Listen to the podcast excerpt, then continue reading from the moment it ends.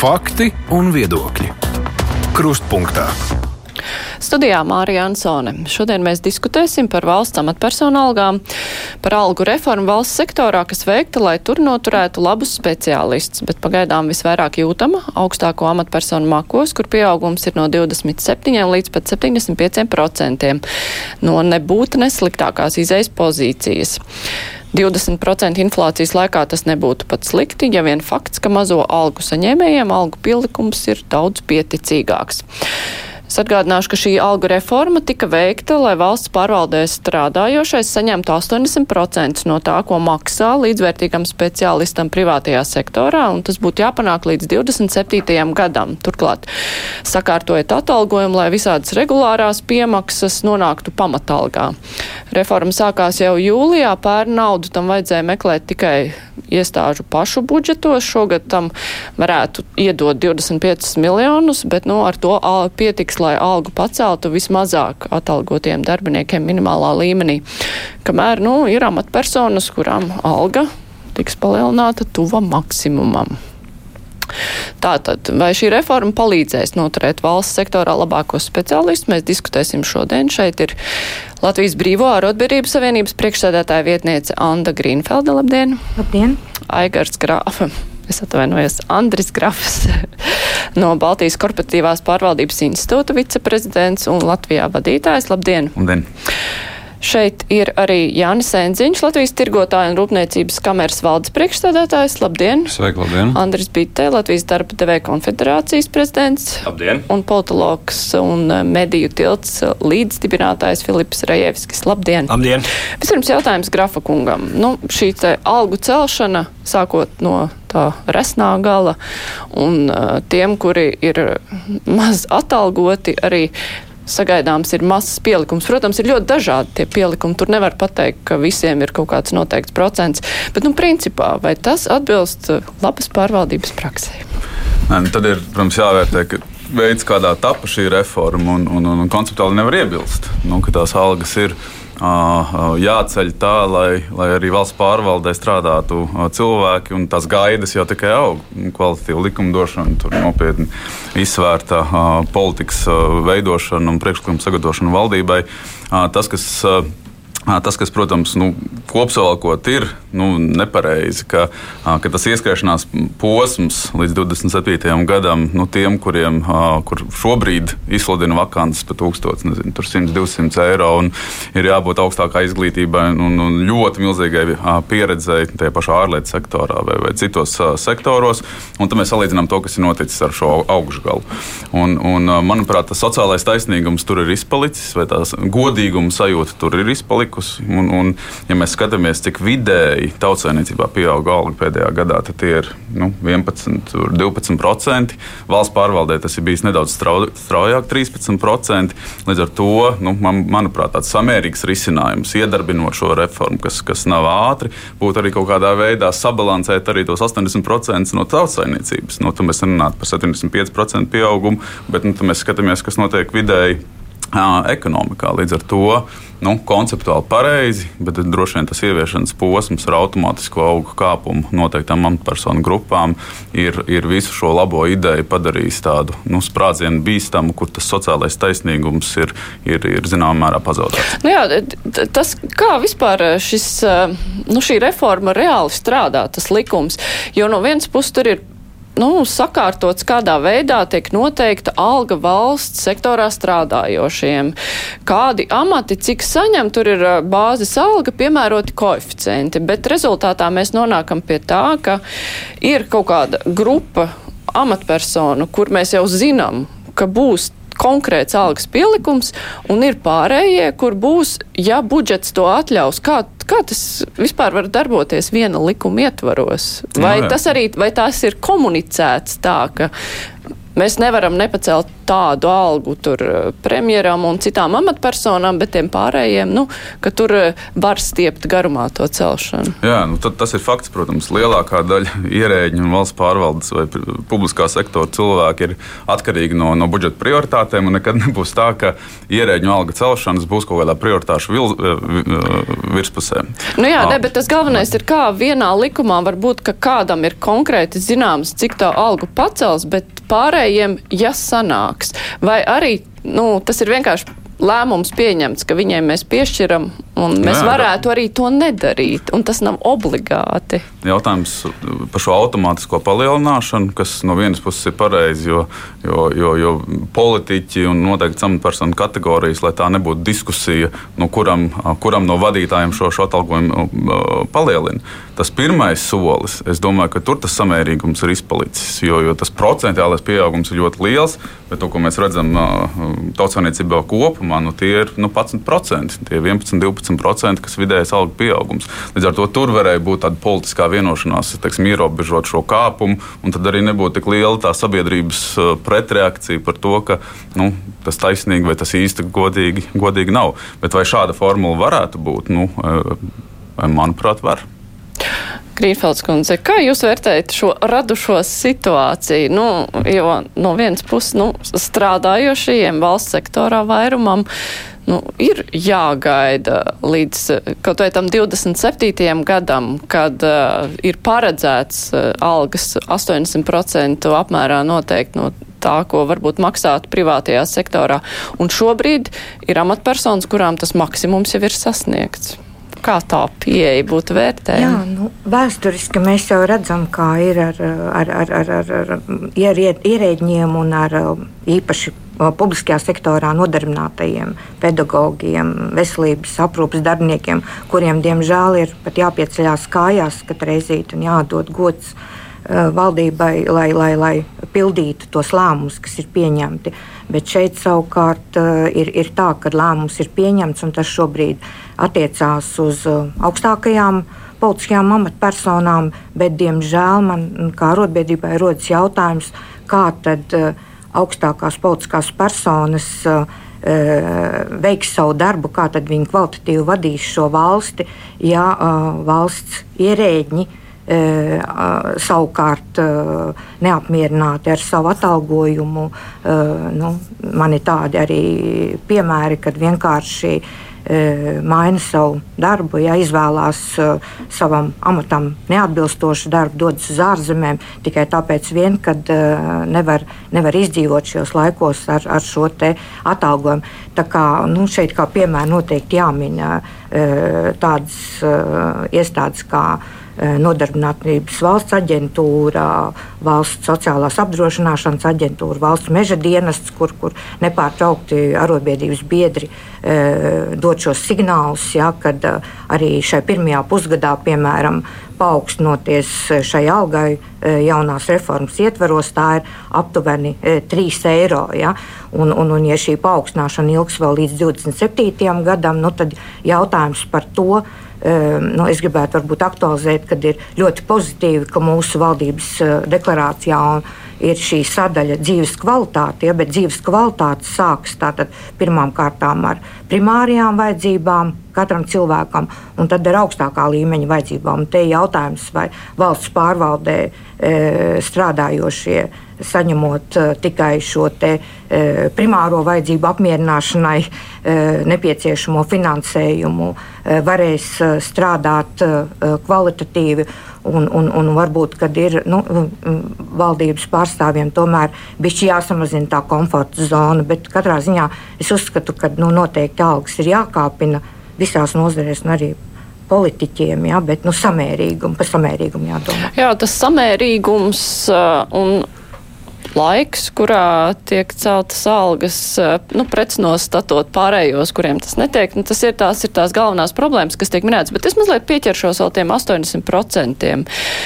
Nu, šīs augstākās amatpersonas, tur ir premjeras, tur ir uh, dažādu varas atzaru struktūru vadītāji, tiesu vadītāji. Nu, tur ir vesels trīpa amatpersonu, kura algas ir no 6 līdz 8 tūkstošiem. Ja mēs salīdzinām ar privāto sektoru, kur ir tie 80% jāsniedz, kas ir līdzvērtīgs privātajā sektorā tādai atbildībai un uh, tādām kompetencēm? To vispār var tā salīdzināt, Bitskungs? Nu, droši vien, ka privātā sektora arī nav viennozīmīgi tāda viena līmeņa atalgojuma. Gan no nozarēm, gan no situācijas nozarēs, vai tur ir trūkums ar speciālistiem vai vadītājiem vai nav, ir ļoti dažādas. Bet, ja tā kopumā ņemt, tad, ja mēs runājam, kā jūs minējat, atalgojumu tur 6, 8 tūkstoši eiro, tad tas ir augsts līmeņa vadītājs, pietiekami nu, nopietns, nopietnu uzņēmumu vadītājs Eh, kam līdzvērtīgs atalgojums šobrīd būtu uh, piemērojams, ja, vai teiksim, praksē tiek piemērots. Ja. Nu, tad ir tālāk jautājumi, vēl ir papildus uh, bonusi vai, vai, vai papildus motivācijas uh, atalgojuma sistēma, kas ir piesaistīta uzņēmuma rezultātiem, pieņemsim, peļņai vai kādiem citiem akcionārs mērķiem izstādīt. Šajā ziņā, es domāju, ir samērīgums šajā praksē, un, un es uzskatu arī, ka teiksim, ministrs vai, vai liels valsts iestādes vadītājs, viņa kompetences un atbildības ir nepieciešamas tik lielas, kas ir samērojams ar šādu atalgojumu. Ja? Un, un tur nav jautājumu jautājums, vai šobrīdējie vai iepriekšējie ministri atbilst no mana viedokļa šiem e, kritērijiem, lai saņemtu šādu algu.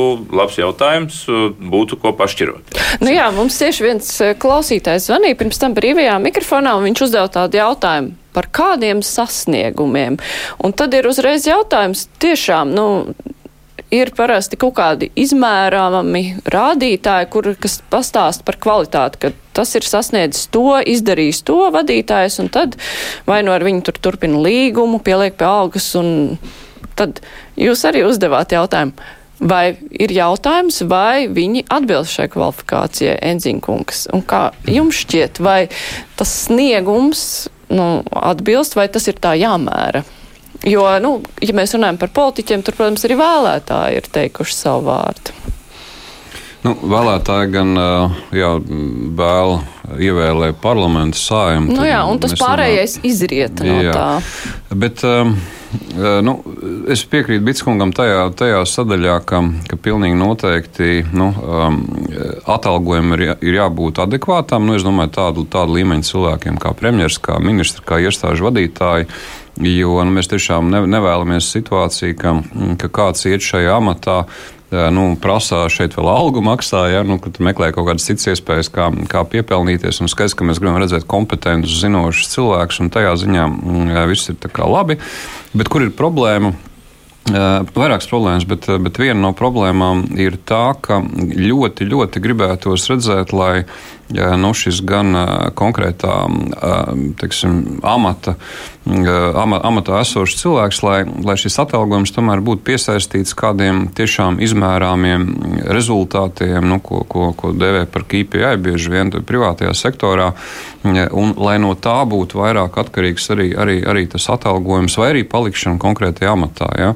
Nu, šobrīd, šobrīd izskatās, ka bieži vien nu, tas atalgojums tiek celts, tāpēc viņš jāceļ vienkārši. Ja? Bet, bet to, cik labi tie rezultāti vienā vai otrā vietā ir, un, un tie rezultāti, ja mēs tā nu, skatāmies vismaz no ekonomikas plāksnes, nu, tad mums gājas pēdējos četros gados ir diezgan bēdīgi. Es teiktu, ka tur drīzāk varētu runāt par kādām nu, algu samazināšanas aktivitātēm, ja mēs no tāda rezultātu viedokļa skatāmies. Ja?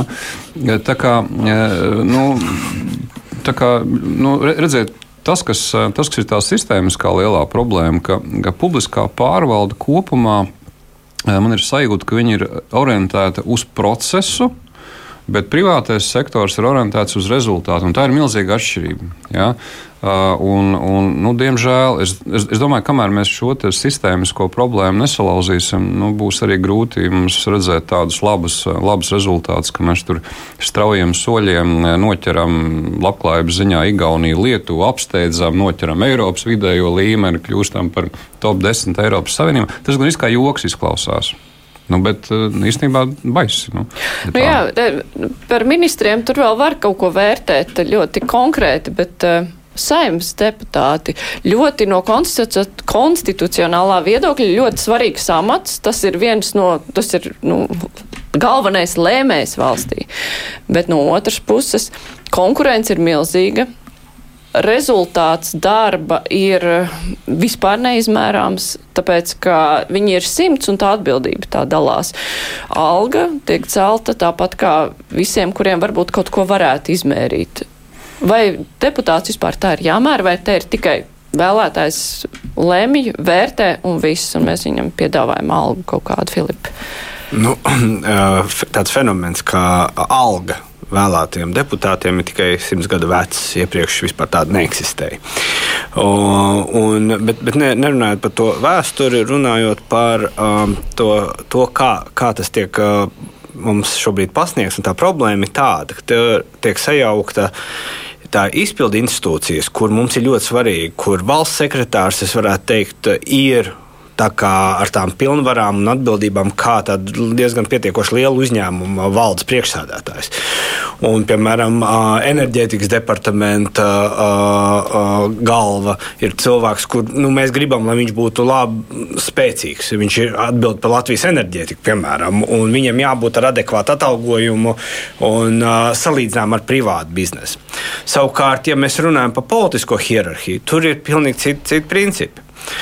Jo, jo es godīgi sakot, neesmu sastapis nevienu ministru. Es 25 gadus esmu visur apkārt politikai bijis, kurš man teiktu, es gribu kļūt par ministru vai premjeru, tāpēc, ka tur ir laba alga. Es eju pa premjeru, jo nu, man te kaut kā maza alga, es iešu pa premjeru. Tur forši maksā, ja pa ministru. Tad vēlētajās institūcijās praktiski nekad šiem cilvēkiem nav motivācija. Es, es tikšu ievēlēts par deputātu, lai kļūtu bagāts. Nu, ja tas tā ir, tad tas ir īstenībā nožēlojami. Jo, ja mēs, piemēram, salīdzinām, nu, tas pašā mēs vienmēr skatāmies arī uz lielajām valstīm, tur prezidenti un premjerministri nesaņem astronomiskas algas. Amerikas prezidentam 270 tūkstoši gadā dolāru. Viņš var tiešām vadīt miljonu korporāciju, tas cilvēks, kurš vada ASV. Bet ne, viņiem tā alga ir, jo tur ir cita motivācija, tad, kad tu ej kalpot sabiedrībai un izej cauri vēlēšanu sietam. Tas pats attiecās arī uz deputātiem. Ja deputāts pirms vēlēšanām skaidru un garšu savam vēlētājam pateikt, zini, es eju, tur ir laba alga, man darba nav, tāpēc ievēl man par deputātu, nu, mēs labi zinām, kāda būs rezultāti. Līdz ar to tas KPI viņiem ir uh, tas, kā tev pēc tam pārvēl vai nepārvēl. Protams, uh, pilnīgi, ka mēs viņus nosēdinām bez naudas saka, tas bija simts gadu atpakaļ, teikt, strādā un dzīvo uz savu rēķinu un nekādu algu nesaņems no nodokļu maksātājiem. Varbūt tas būtu pišķi pārspīlēti, bet, eh, bet ielikt tajā vienādojumā naudu kā vienu no galvenajām sastāvdaļām, lai mēs iegūtu kvalificētus cilvēkus ministra, premjerministra un amatos un parlamentā, man bail tas nestrādā. Tas nav motivācija, kāpēc cilvēki maina savu dzīvi un kļūst par politiķiem. Un līdz ar to es domāju, ka tām lietām būtu jābūt nodalītām. Viens ir tas ierēģiņu hierarhija, kas stūrē to valsti, un, vad, nu, un, un, un otra ir tā politiskā hierarhija, kur tiešām nav problēmas ar konkurenci, nav problēmas atlasīt. Mums, kā vēlētājiem, ir dots fantastisks iespējas reizes četros gados izvēlēties, ko vēlies. Bet, nu, teiksim tā, uzņēmē darbības vidē būt par ministru ir prestiži? Nu, nē, nav. Pirmkārt, es varbūt nedaudz paturpinot iepriekšējo punktu.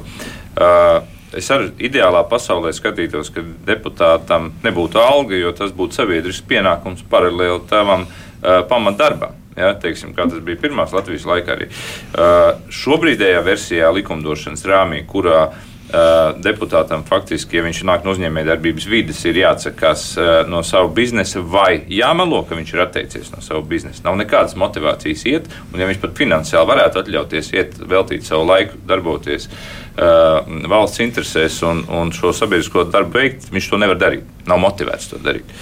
Un līdz ar to tas ir tas aplis, ka teiksim, mēs nav tādā konkurencē. Mums ir no zināmas sabiedrības daļas konkurence par deputātu vietu, no otras daļas, kas būtu gan intelektuāli, gan aktīva, kas varētu iet, ir tieši demotivējoša sistēma šobrīd piedalīties šajā konkurences cīņā. Tā kā, tā kā, tas ir tās, bet nu, kopumā. Jā, Nu, tad nekas cits neatliek, kā celt tās algas, lai tie labāki arī iet uz to valdību. Vai arī jātaisa brīvāka sistēma, eh, brīvāka sistēma, lai uzņēmēji, pieņemsim uzņēmēji, ja mēs skatāmies, lai varētu iet un, un, un uh, pieteikties eh, šajā cīņā par deputāta uh, vietu. Jo teiksim, viņiem ir gan redzējums, gan pienesums, teiksim, ko viņi var dot ekonomikas attīstībā. Viņam nebūtu jāmelo uz četriem gadiem, vai vēl nu, citreiz pat īsāku periodu, ja atlaiž saimā ātrāk. Jāmelo, ka viņš no sava biznesa ir aizgājis prom. Un tas būtu gan caurspīdīgi, gan uh, visi varētu kontrolēt, vai viņš pieņem savu uzņēmumu interesēs kaut ko vai nē. Šobrīd vai nu melo, vai nu ir aiziet tie, kas ir savu biznesu jau kādā veidā zaudējuši. Edzinkungs piekrītat? Mm.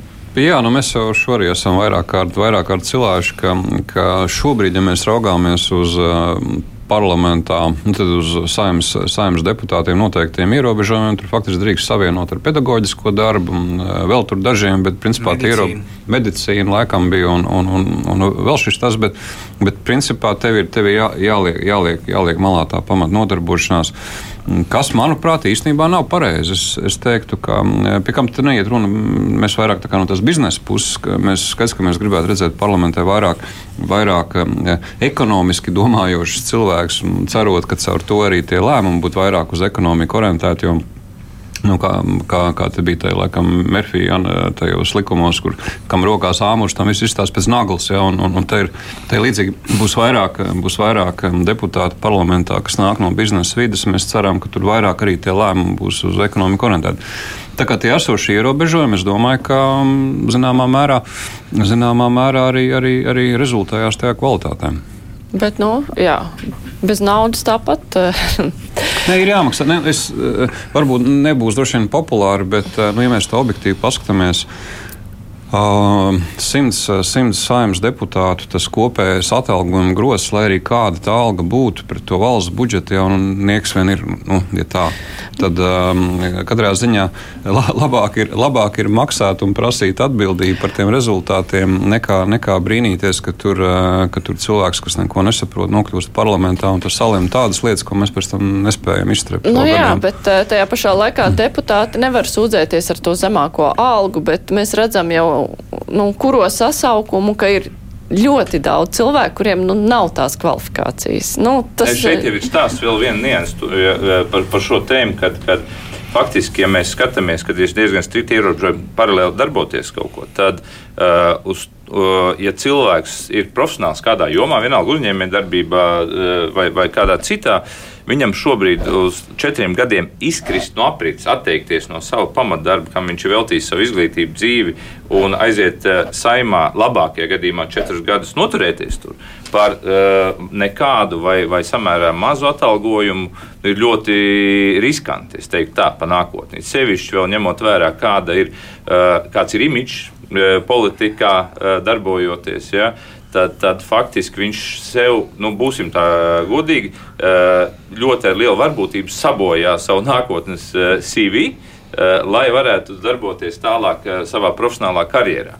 Un tas ir viens no argumentiem, kāpēc teiksim, apmaksai no deputātiem algai būtu jābūt pietiekami adekvātai. Ja? Ideālā pasaulē cits tās. Tur es, red, es teiktu tā, ka es redzētu situāciju, kad eh, viss sabiedriskā kārtā sanāk un pēc, pēc darba piedalās šajā likumdošanas jautājumā, bet droši vien tā nenotiek dzīvē. Filip. Bet, nu, jā, bet tur ir. Nu, tā, tam visam var piekrist. Bet es domāju, ka, ka te būtu nu, ļoti vienkārša metode. Viena no, ja mēs runājam par deputātiem, tad es piekrītu, ka ļoti grūti ir teikt, ir, ir ļoti kvalificēti. Es pats pazīstu deputātus, kuri ir vienkārši profesionāli, profesionāli savā jomā. Un ir tādi, kurus vispār tuvumā laist nevajadzētu parlamentam, kur nu vēl vecerīgai.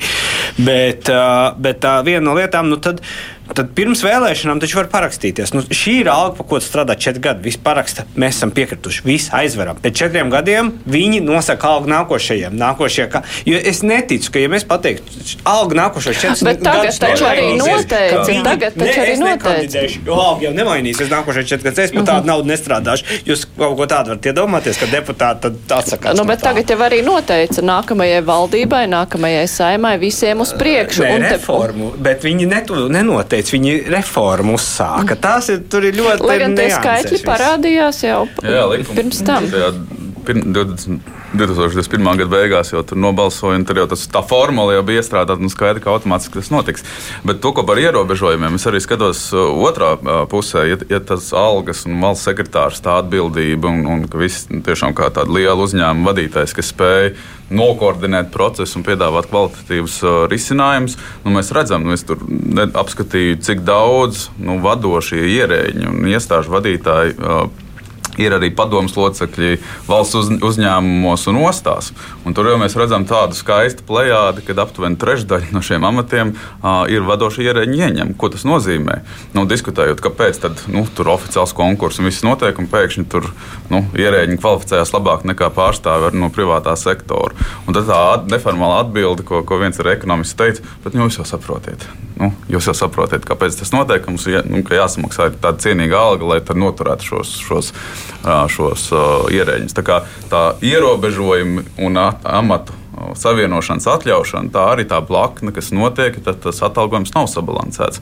Un tad mēs diskutējam par, par pavadīto laiku, cik tev ir laiks veltīt ministrijas vadīšanai vai, vai iestāžu vadīšanai, un cik tev ir laiks nu, veltīt arī nu, tādu kvalitatīvu arī šo uzņēmumu pāraudzības nodrošināšanai. Un, un tā ir tā blakne, ka tā, tas atalgojums nav, nav sakārtots.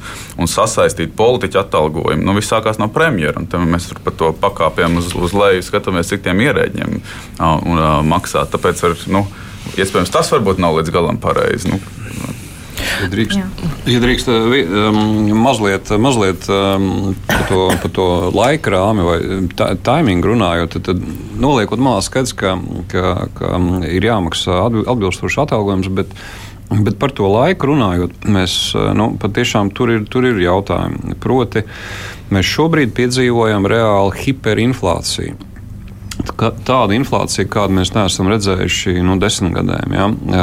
Un um, Eiropas centrālās bankas un Latvijas banka tagad dara visu, lai mēs neaizietu tajā, tajā inflācijas spirālē, kas nozīmē ceļās algas. Mēs ceļam algas, tikko mēs paceļam algas, tas, tās atkal iecenojās produktos, produkti paliek dārgāk, mēs atkal ceļam algas un tādā veidā mēs mēs riņķojam, riņķojam nu, ļoti ilgi.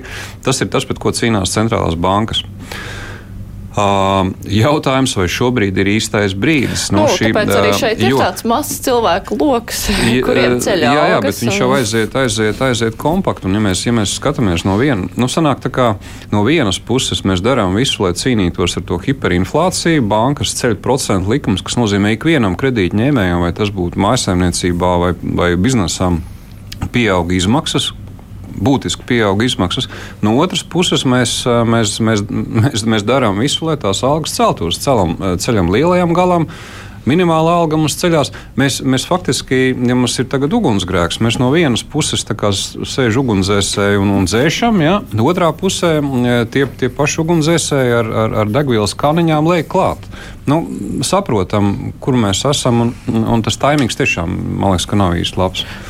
Jā, mēs vienīgi varētu piebilst par to, pie, pieminējāt arī minimālās algas celšanu un par tām zemākajām algu kategorijām. Nu, eh, ja, piemēram, mums eh, šobrīd tās prognozētās politiķa algas ir 5,4% augstā, 5,4 reizes lielākas prognozētas nekā iepriekšējā gada vidējā tautsēmniecībā. Ja?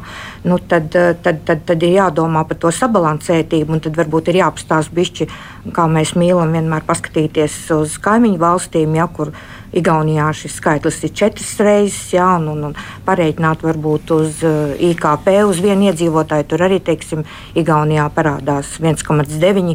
Ja mēs rēķinām pagājušā gada šos IKP un šī gada prognozētās šīs te, nu, pieņemtās uh, algas, ja, uh, bet Latvijā atkal 2,5. Tā kā nu, varbūt šeit tas atskaites punkts tomēr ir tāds, ka ir nu, jāiz, jāizpēta, jāizanalizē ja, nu, par dažādiem šiem te, pēc dažādiem kritērijiem, pēc dažādām pazīmēm, gan šo salīdzinājumu ar, ar citām kaimiņu valstīm, gan arī šo salīdzinājumu, kā jau es teicu, tieši augstākajai vadībai un valsts ierēģiem. Jo tāpēc, tur tā starpība ir milzīga, ja, un, un, un, un ja tur teiksim, nu, kaut kādā vidusmērā amats, teiksim, tiešajā vadības iestādē vadītājam ir 4000 pāri, un viņi tūlītās piemēroja kā augstāko šo skalu, ja, bet, piemēram, tur zemākie saņem joprojām ap tūkstoti, ja, nu, tā ir katrā ziņā milzīga starpība. Ja, un vai tiešām nu, šis vadītājs varēs spēt veikt šos pienākumus kvalitatīvi un šo nozari celt, ja, ja, ja, ja, ja ar, ar šādu teiksim, šo te darba spēku, kas saņem tik mazu atalgojumu. Un tieši tāpat tās atkal augstāk pārvaldē skatoties. Es atgādināšu klausītājiem un vēlāk Latvijas televīzijas skatītājiem par mūsu studijas viesiem no Latvijas Brīvo arotbiedrības savienības. Šeit ir Anda Grīnfelde, no Tirgotāja rūpniecības kameras Jānis Enziņš, no Darbdevēja konfederācijas Andris Bite, no Baltijas korporatīvās pārvaldības institūta Andris Grafs un no politologs un no mediju tilta sabiedriskā attiecību uzņēmuma Filips Rēvskis. Mēs tūlīt turpināsim un jau runāsim par to, tad kam vajadzētu vai varbūt nevienam nevajadzētu, lai cīnītos pret hiperinflāciju, celt algas un to pēc maz brīža. Raidījums Krustpunktā. Jā, Enzīna kungs minēja, ka ir hiperinflācija, ka visi domā, kā to nepadarīt vēl šo procesu vēl straujāku. Droši vien, ka šie te vadošie darbinieki, kur ir salīdzinot ar ierēģiem, visiem ir nu, salīdzinoši mazs skaits, varbūt viņi to hiperinflāciju, es nezinu, vai īpaši varētu uzturēt. Tajā pašā laikā, ja tas fokus ir uz to, ka algu reformu sāk nevis no resnā, nē, no bagātā gala, bet no tā nabagā gala, tad uh, tas nebūtu gluži nu, tieši tas process, kurš to hiperinflāciju varētu sekmēt, jo mums to mazo algu saņēmēt ir daudz vairāk nekā to lielo algu. Tad ar par to nevajadzētu vispār domāt. Tāda bija ideja. Uh, nē, par to, par to ir jādomā. Un īstenībā tā arī, es domāju, šeit ir viena, viena no problēmām, nu, kā, kā jūsu vārdiem. Mēs par to rasno galu izrunājām, ne tikai par to tievo galu.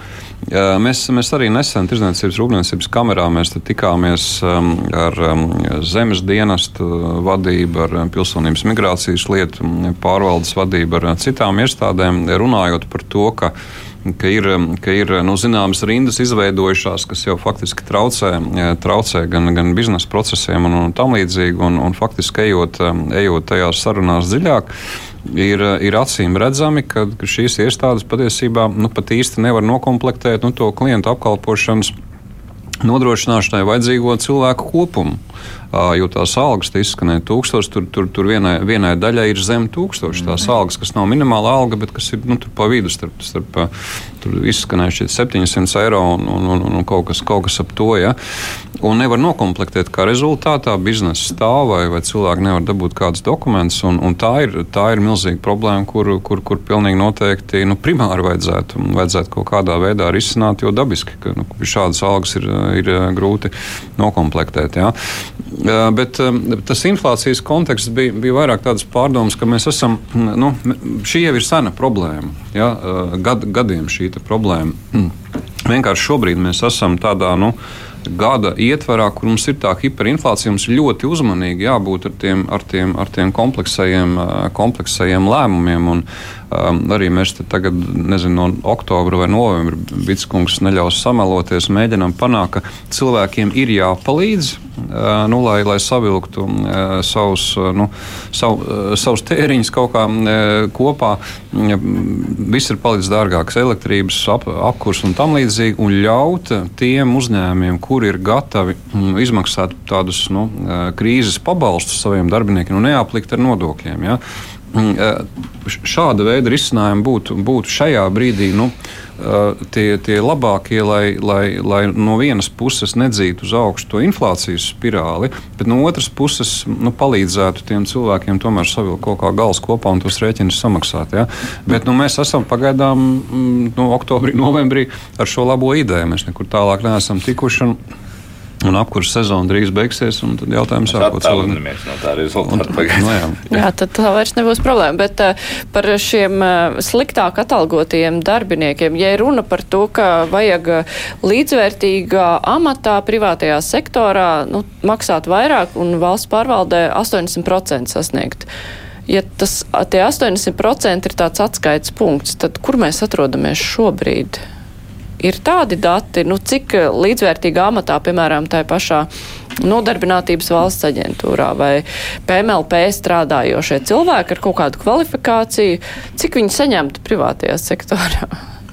Es tieši šādā varbūt griezumā neesmu šobrīd analizējis no aptuveni nojausmas, ja, bet es pirmām kārtām gribētu akcentēt, ka sāksim ar to, ka e, pirms šīs reformas valsts pārvaldē pirmām kārtām jau nebija šīs samērojamības un, un, un, un nebija vienlīdzīgas iespējas dažādiem, pa, dažādiem ierēģiem vienādās vienādos amatos saņemt vienādu atlīdzību. Ja mēs vienmēr uzsvērām šīs tā saucamās bagātās ministrijas un, un nabagās ministrijas, nu, tautas valodā runājot. Ja. Diemžēl, eh, piemēram, grāmatvedis eh, vienā ministrijā saņēma varbūt pat šīs, šos 600, 700, jo tur iespējams, kad vajadzēja vairāk šos grāmatvežus teiksim, nodrošināt, ja, un citā ministrijā, teiksim, attiecīgi tādā pašā līdzīgā departamentā šis grāmatvedis saņēma daudz lielāku atalgojumu. Un tieši tāpat tās ir arī, arī ar, ar citiem šiem amatiem. Tas jau pirmām kārtām iesāksim ar to, eh, kad, kad, kad, kad šo te vajadzētu eh, kaut kādā veidā noteikt. Un es ceru, ka jaunā reforma to palīdzēs arī eh, sakārtot, ja? bet nu, šobrīd īsti, īsti tādu indikāciju nav kad, kad, kad tā reforma būtu iesākusies tik veiksmīgi, jo, diemžēl, reformai nesakoja finanses. Ja, finans, finansējums ir no no, no, no iekš, iekšējiem ietaupījumiem, jā, teiksim, no, no funkciju pārskatīšanas, no darbinieku skaita pārskatīšanas un tam līdzīgi. Turpretī teiksim, šiem augstākajām amatpersonām ir noteikti stingri, ja, kad ir šie te, e, 3 miljoni nepieciešams pama, papildus finansējums un algas ir nodrošināmas. Par pieprasījumu pēc šiem valsts pārvaldes darbiniekiem privātajā sektorā ir pieprasījums nu, pēc eh, tādiem cilvēkiem, kuri teiksim, nu, kā jau minēju, šo iestāžu darbinieki, viņi tur saņem līdz tūkstotim. Ko privātais sektors viņiem piedāvā? Nu, pirmkārt, privātajā sektorā ļoti labs jautājums, jo privātajā sektorā pieprasījums pēc darbiniekiem nu, ir sen, un viņš ir samilzis, un viņš kļūst ar vien sarežģītāks. Jautājums, vai konkrētā eh, darbinieka vai iestādē teiksim, valdošā kultūra un darba intensitāte atbilst tam, eh, lai viņš uzreiz varētu strādāt privātajā sfērā. Strādāt. Jāsaka, ka es nesaku par vispārēju līmeni, bet kopēji teiksim, ir tas viedoklis, ka nu, ir jāiemācās strādāt, ja grib privātajā biznesā iet. Uh, un jāstrādā vairāk un intensīvāk, rezultātīvāk. Un tas ir, kāpēc teiksim, es šo saku, kad faktiski uh, mēs šobrīd diskutējam visi par to, kā pārdalīt naudu un kā vienam vai otram vairāk samaksāt. Uh, neskatoties uz to, ka uh, nav jau tā, ka tā nauda stāv plauktā, un tad ir jautājums, mēs gribam maksāt vienam vai negribam vairāk. Uh, mēs jāatzīst, ka mēs kā ekonomika, tie, kas ģenerējam šo naudu nodokļu uh, apjomu, esam pa maz, pa mazi, pa maz un pa vāji. Un tādu valsts pārvaldi, kāda mums šodien ir, ar visām iestādēm un apkalpojošām uh, valsts un pašvaldību mēs nevaram uzturēt. Tātad ir viens ceļš, vai nu mēs kopīgi audzējam ekonomiku, ļoti strauji un intensīvi audzējam ekonomiku, eksportu, ražošanu, un daļa no valsts pārvaldes pāriet, teiksim, privātajā biznesā, uh, skaitliski, vai mēs ļoti pārskatām valsts funkcijas, ko viņi dara kādas pakalpojumus viņi nodrošina un cik tas izmaksā, un cik cilvēki strādā tajā. Un mēs izdarījām vienu labu eksperimentu, tādu nelielu uh, Eh, vienā ministrijā, neteikšu tagad, kurā, lai pēc tam tie ierēģi vēl algas eh, darbu saglabātu, ar vienu departamentu vadītāju. Uh, uzdodot jautājumu, teiksim, šobrīd viņa departamentā ir 22 cilvēki. Pieņemsim budžets, es tā no galvas saku, 200 tūkstoši gadā. Un un nu, uzdevam jautājumu, ja te būtu ļoti stingri atrakstīts, šis saņem tik, tas par to, par to, tā kā nu, valsts pārvaldē pieņemts. Teicam, iestādes eh, vai departamentu vadītājiem, tev būs brīvs rokas noteikti sev atalgojumu visiem pārējiem. Bet tavs budžets būs uz pusi mazāks, bet funkcijas jāizpilda. Cik paliks cilvēki? Mēs beidzām šo sarunu uz pieciem cilvēkiem, bet ar ļoti motivētāku, daudz lielāku atalgojumu un pusi budžetu. Tātad es gribētu, teiksim, nu, redzētu, ka vajadzētu iet ceļu, kad ir daudz brīvāk iestāžu vadītājiem rīcības eh, brīvība uh, noteikti atalgojumu, ja viņš izpilda funkcijas, iekonomē naudu vai, teiksim, uh, iegūst nu, principā, tas jau līdzīgi. tagad arī ir izdarīts, jo ir, nu kā, neredzu. visi Nē, var maksāt domāju, lielākas algas uz savu, ja spēj iekļauties iestādes budžetā. Es teiktu, ka mē, jau esošie izdevumi ir pa lielu. Mēs nevaram uzturēt šos valsts izdevumus. Mēs dzīvojam kopumā tā vienkārši vārdu sakot 18 istabu dzīvoklī, 4 cilvēki, no kuriem strādā viens. nu, Bet, nu, mēs gribam turpināt to tēzi, jo, jo, jo nu, tās atalgojuma reformas mērķis jau nav pacelt atalgojumu. Nu, tas, ka tur smalk, tas smalkais vai nodefinētais mērķis ir veicināt kvalitāti un efektivitāti valsts sektorā. Un, ja mēs kaut vai paņemam valsts pārvaldes reformu modernizācijas plānu, ko tur auditēja valsts kontrole, nu, tur lielākā daļa no tiem uzdevumiem, diemžēl, kaut kā nav, nav izpildīta izpildīti. Un, un, ja mēs runājam par to efektivitāti un, un, un, un kvalitāti, nu, tad ir ļoti daudz arī tādas liekas darbības, kas valsts pārvaldē ir nu, tā, tā, tā, tā tēma, ko es uh, analizēju, un vienmēr pētu nu, par valsts uzņēmumu pārvaldību, ka tur ministrijas ir akcionāri un centralizētāks pārvaldības modelis mums nekad nav izdevies, jo politiķi tomēr turās pie saviem uzņēmumiem, no gatavi to, tās, to varu atdot. Nu, katrā ministrijā būvē departamentu un funkciju, kas tad uzraudzīs, nu, apstrādās datus un dos informāciju tur, uh, lēmumu pieņēmējiem. Uh, piemērs par dividendēm. Nu, tur vien, tāds izcils piemērs, kad Elsa teātris gribēja paturēt pāris simtus 500 eiro, lai tur skatuvē tur, kaut ko nodrošinātu. Tad dzina cauri to jautājumu līdz valdībai. Nu, tad saskaitot visus tos cilvēkus, kas ir iesaistīti, sanākot 40 plus cilvēki. Nu, un, ja mēs tādas lietas neķeram ārā, tās liekās darbības, kas, kas tiek darbināts, tāpēc ka mēs neusticamies, tāpēc ka mums ir bijis nezinu, publisks skandāls, tāpēc mums ir jāpalielina birokrātija un tā tālāk. Un tad jau mums tos ierēģus patiesībā vajadzēs vienmēr vairāk un vairāk, lai, lai noregulētu, lai būtu kas. kas kas, kas uzrauga un, un, un dod atbildes tādiem nu, sāpīgiem jautājumiem sabiedrībā. Tā kā fundamentāli, ja mēs gribam iet to ceļu apakaļ, mazāk birokrātijas, vairāk uzticēšanās, mazāk lieko darbību, nu, tad tas ir tāds sabiedriskais līg, teiksim, vienošanās vai līgums starp uzņēmējiem, starp sociālajiem partneriem un, un arī valsts pārvalde, ka mēs ejam tajā virzienā. Bet tad jautājums, nu, kurš ir atbildīgs par to, lai šī valsts pārvalde būtu efektīvāka un kvalitatīvāka? Jo tā kā mēs paskatāmies uz kaut kāda, nezinu, valsts vai pašvaldības departamenta darbu. Nu, tur cilvēks kāds speciālists, kurš strādā kaut ko. Un parasti no šiem speciālistiem arī nāk sūdzības, ka viņi saprot, ka viņi dara lieku darbu, ka kaut kas dublējās, bet viņi neko nevar izdarīt, jo tāpēc, ka nu, viņiem ir likts darīt, viņi dara. Ja nedarīs, tad dabūs pa galvu. Tad jautājums, kurš ir atbildīgs par to, lai veiktu šo reformu? Tie ir tie cilvēki, acīm redzot, kuriem ir tās algas pacelts. Viņiem tas būtu jādara jautājums, viņi to darīs. Tā ir valdība viennozīmīgi, jo tas ir valdības uzdevums un valdībai ir mandāts. Te ir vienmēr jāskatās. Tātad uh, ierēdis tomēr ir nu, algots speciālists, uh, politiķis, ir cilvēks ar mandātu un sabiedrības uzticību, kurš šobrīd, nu, piemēram, ar šo algu reformu, viņš grauj to uzticību sev, nevis vairo. Bet viņam ir tā uzticība dot, lai viņš veiktu šīs reformas, jo viņš nāk ar šo sabiedrības mandātu, kur ir ievēlējusi ar noteiktu mērķu šos cilvēkus. Tāpēc, tāpēc, ja mēs skatāmies arī šobrīd, nu, eh, Enziņa kungs runāja par inflāciju, tad pēc būtības mums ir negatīvs pieaugums ekonomikas dēļ inflācijas.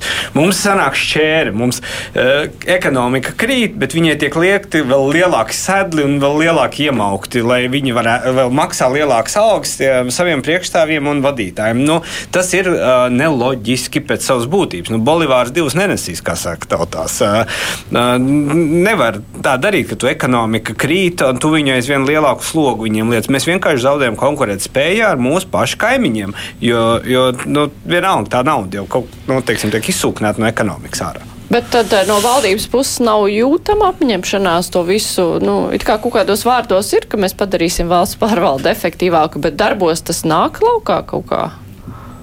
Kāds to ir redzējis? Nu, mēs mēs atbildējām. Jā, mēs, jā, es to vakar redzēju. Um, nē, nu, ja nopietni, tad um, nu, ceram, ka, ka jaunā valdība šīm tēmām ķersies klāt, bet, bet um, tad, tad atkal ir, tā, ir tāds teiciens, ja, ja, ja skola grib parādīt labākus rezultātus augšlēkšanā, tad labāk ir atrast vienu čāli, kas var pārlikt divus, divu metru augstumā, nevis četrus, kas katrs pa 50 centimetriem. Ja? Uh, nu, tad, un, un, man, tas, tas, kā Kariņš saka, tas tā drusku jokam, bet, bet tā pamat ideja ir sekojuši tev izskanēt. Tad pirmkārt, deregulējam, jo ļoti daudzi ierēģi vienkārši, kā jau izskanēja, dara vienkārši to, kas viņiem ir nu, kaut kādos noteikumos, likumos, aprakstos uzlikts, bet bieži vien tas ir bezjēdzīgi. Ja? Ja, lai šodien eh, darbinieks sāktu darbu, viņam tur jāparakstās tur, nu, 30, cik tur tajās vietās. Ja? Varētu padomāt, ka no tiem 38 parakstiem viņš tagad būs daudz drošāk tajā darba vietā. Nu, acīm redzam, tur kaut kas ir pa daudz tajos visos rakstu darbos. Ja? Tad, tad deregulēt, eh, un tas attiecās par pilnu perimetru. Ja? Tas, ko Grafkungs arī minēja, un citi kolēģi. Uh, otrs, ja mēs deregulēsim, tad, tad mums pavarās iespējas uh, mazināt tiešām personāla apjomu mazināt. Tas, tas dabiski pavērsies. Un savukārt tie cilvēki, kuri paliks tajā publiskajā pārvaldē bez darba, es domāju, ka šodienas apstākļos viņi atradīs iespējas strādāt Jā. privātā sektorā, ja, protams, paši gribēs. Un savukārt tiem, kas paliek strādāt, nu, tam maksājam normālas algas. Ja?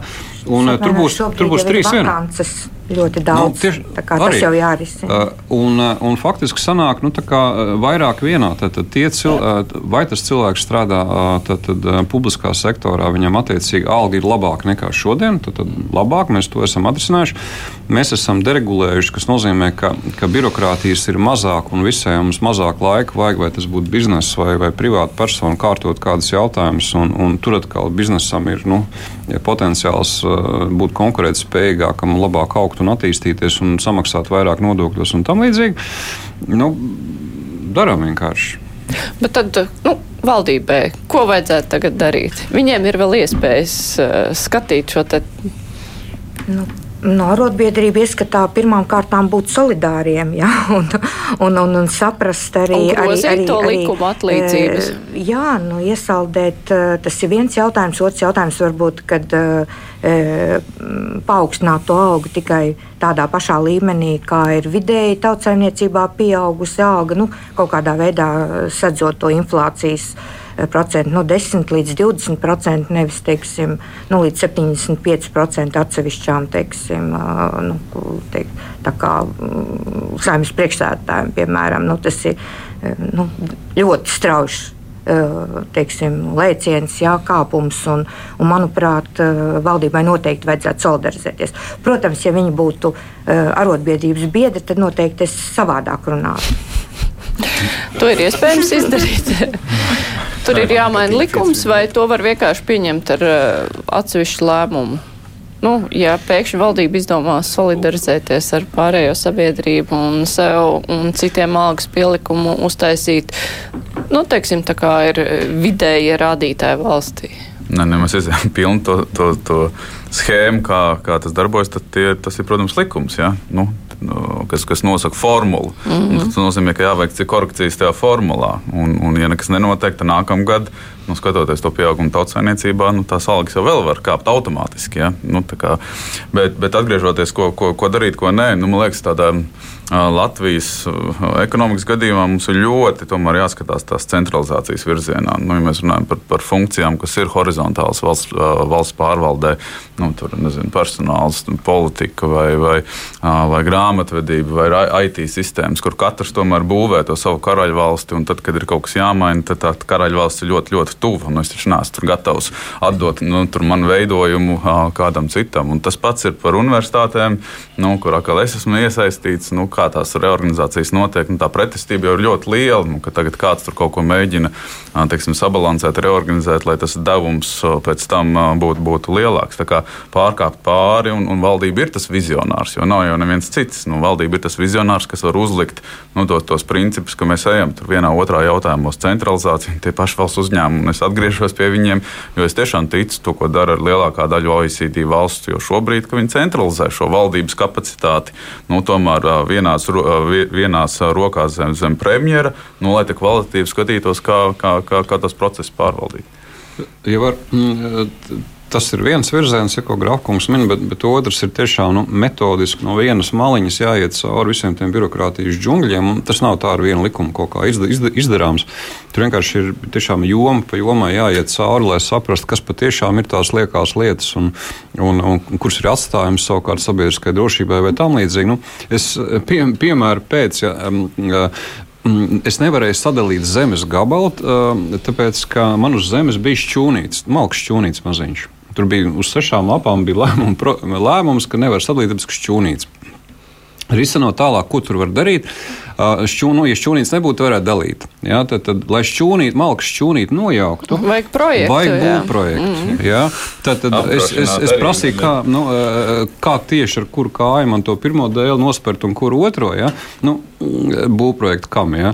Nu, acīm redzam, ir par daudz visas, visas tās mantas, ko mēs te visi ražojam, un attiecīgi kāds tos projektu taisa, kāds viņu pārbauda, kāds viņu apstiprina. tiek sildīta. Nu, Bet tā ir tāda nu, naudas pārdala uz vietas, kas nedod nekādu pienesumu nu, tādai ekonomikai. Ja, tas mm. ir lielais stāsts, ka mēs par daudz apkalpojam sevi un par maz eksportējam, ražojam, pievienojam pasaulē vērtību.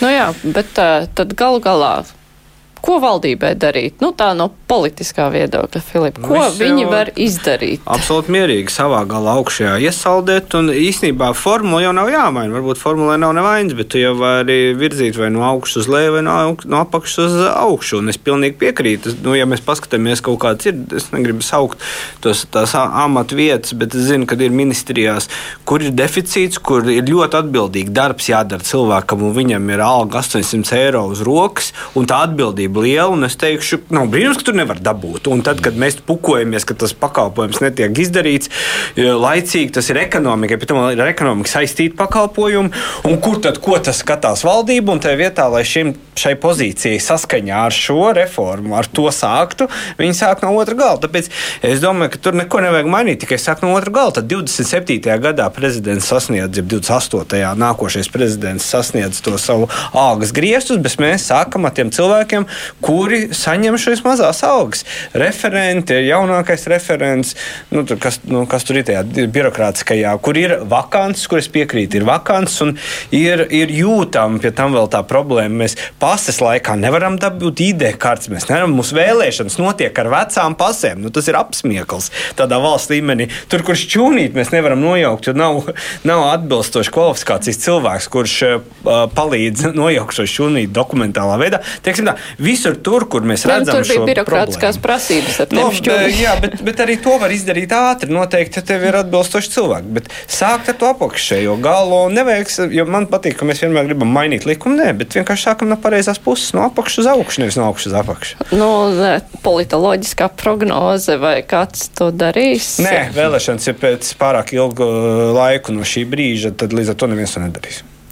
Un vēlētāji to atcerēsies? Jā, atcerēsies daļēji.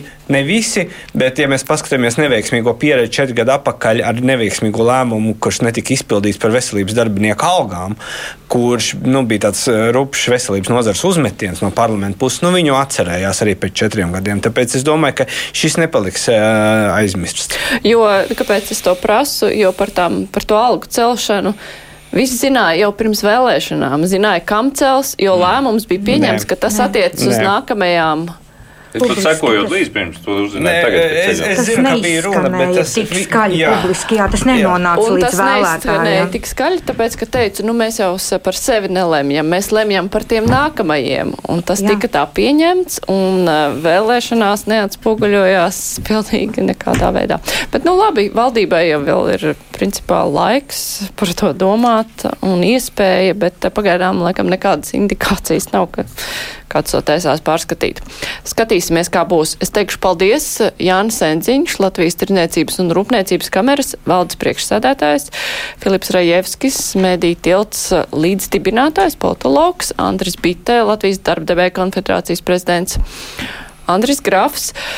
Baltijas korporatīvās pārvaldības institūta viceprezidents un uh, Anta Grīnfelde, Latvijas Brīvo arotbiedrības savienības priekšsēdētāja vietniece. Bija daudz laika pateikt visus amatus un pavisam īsts paldies, bet liels paldies visiem, kas varēja piedalīties. Bet raidījums kruspunktā izskan. Raidījuma producenti Revi Junām, studijā bija Mārija Ansone. Visu labu!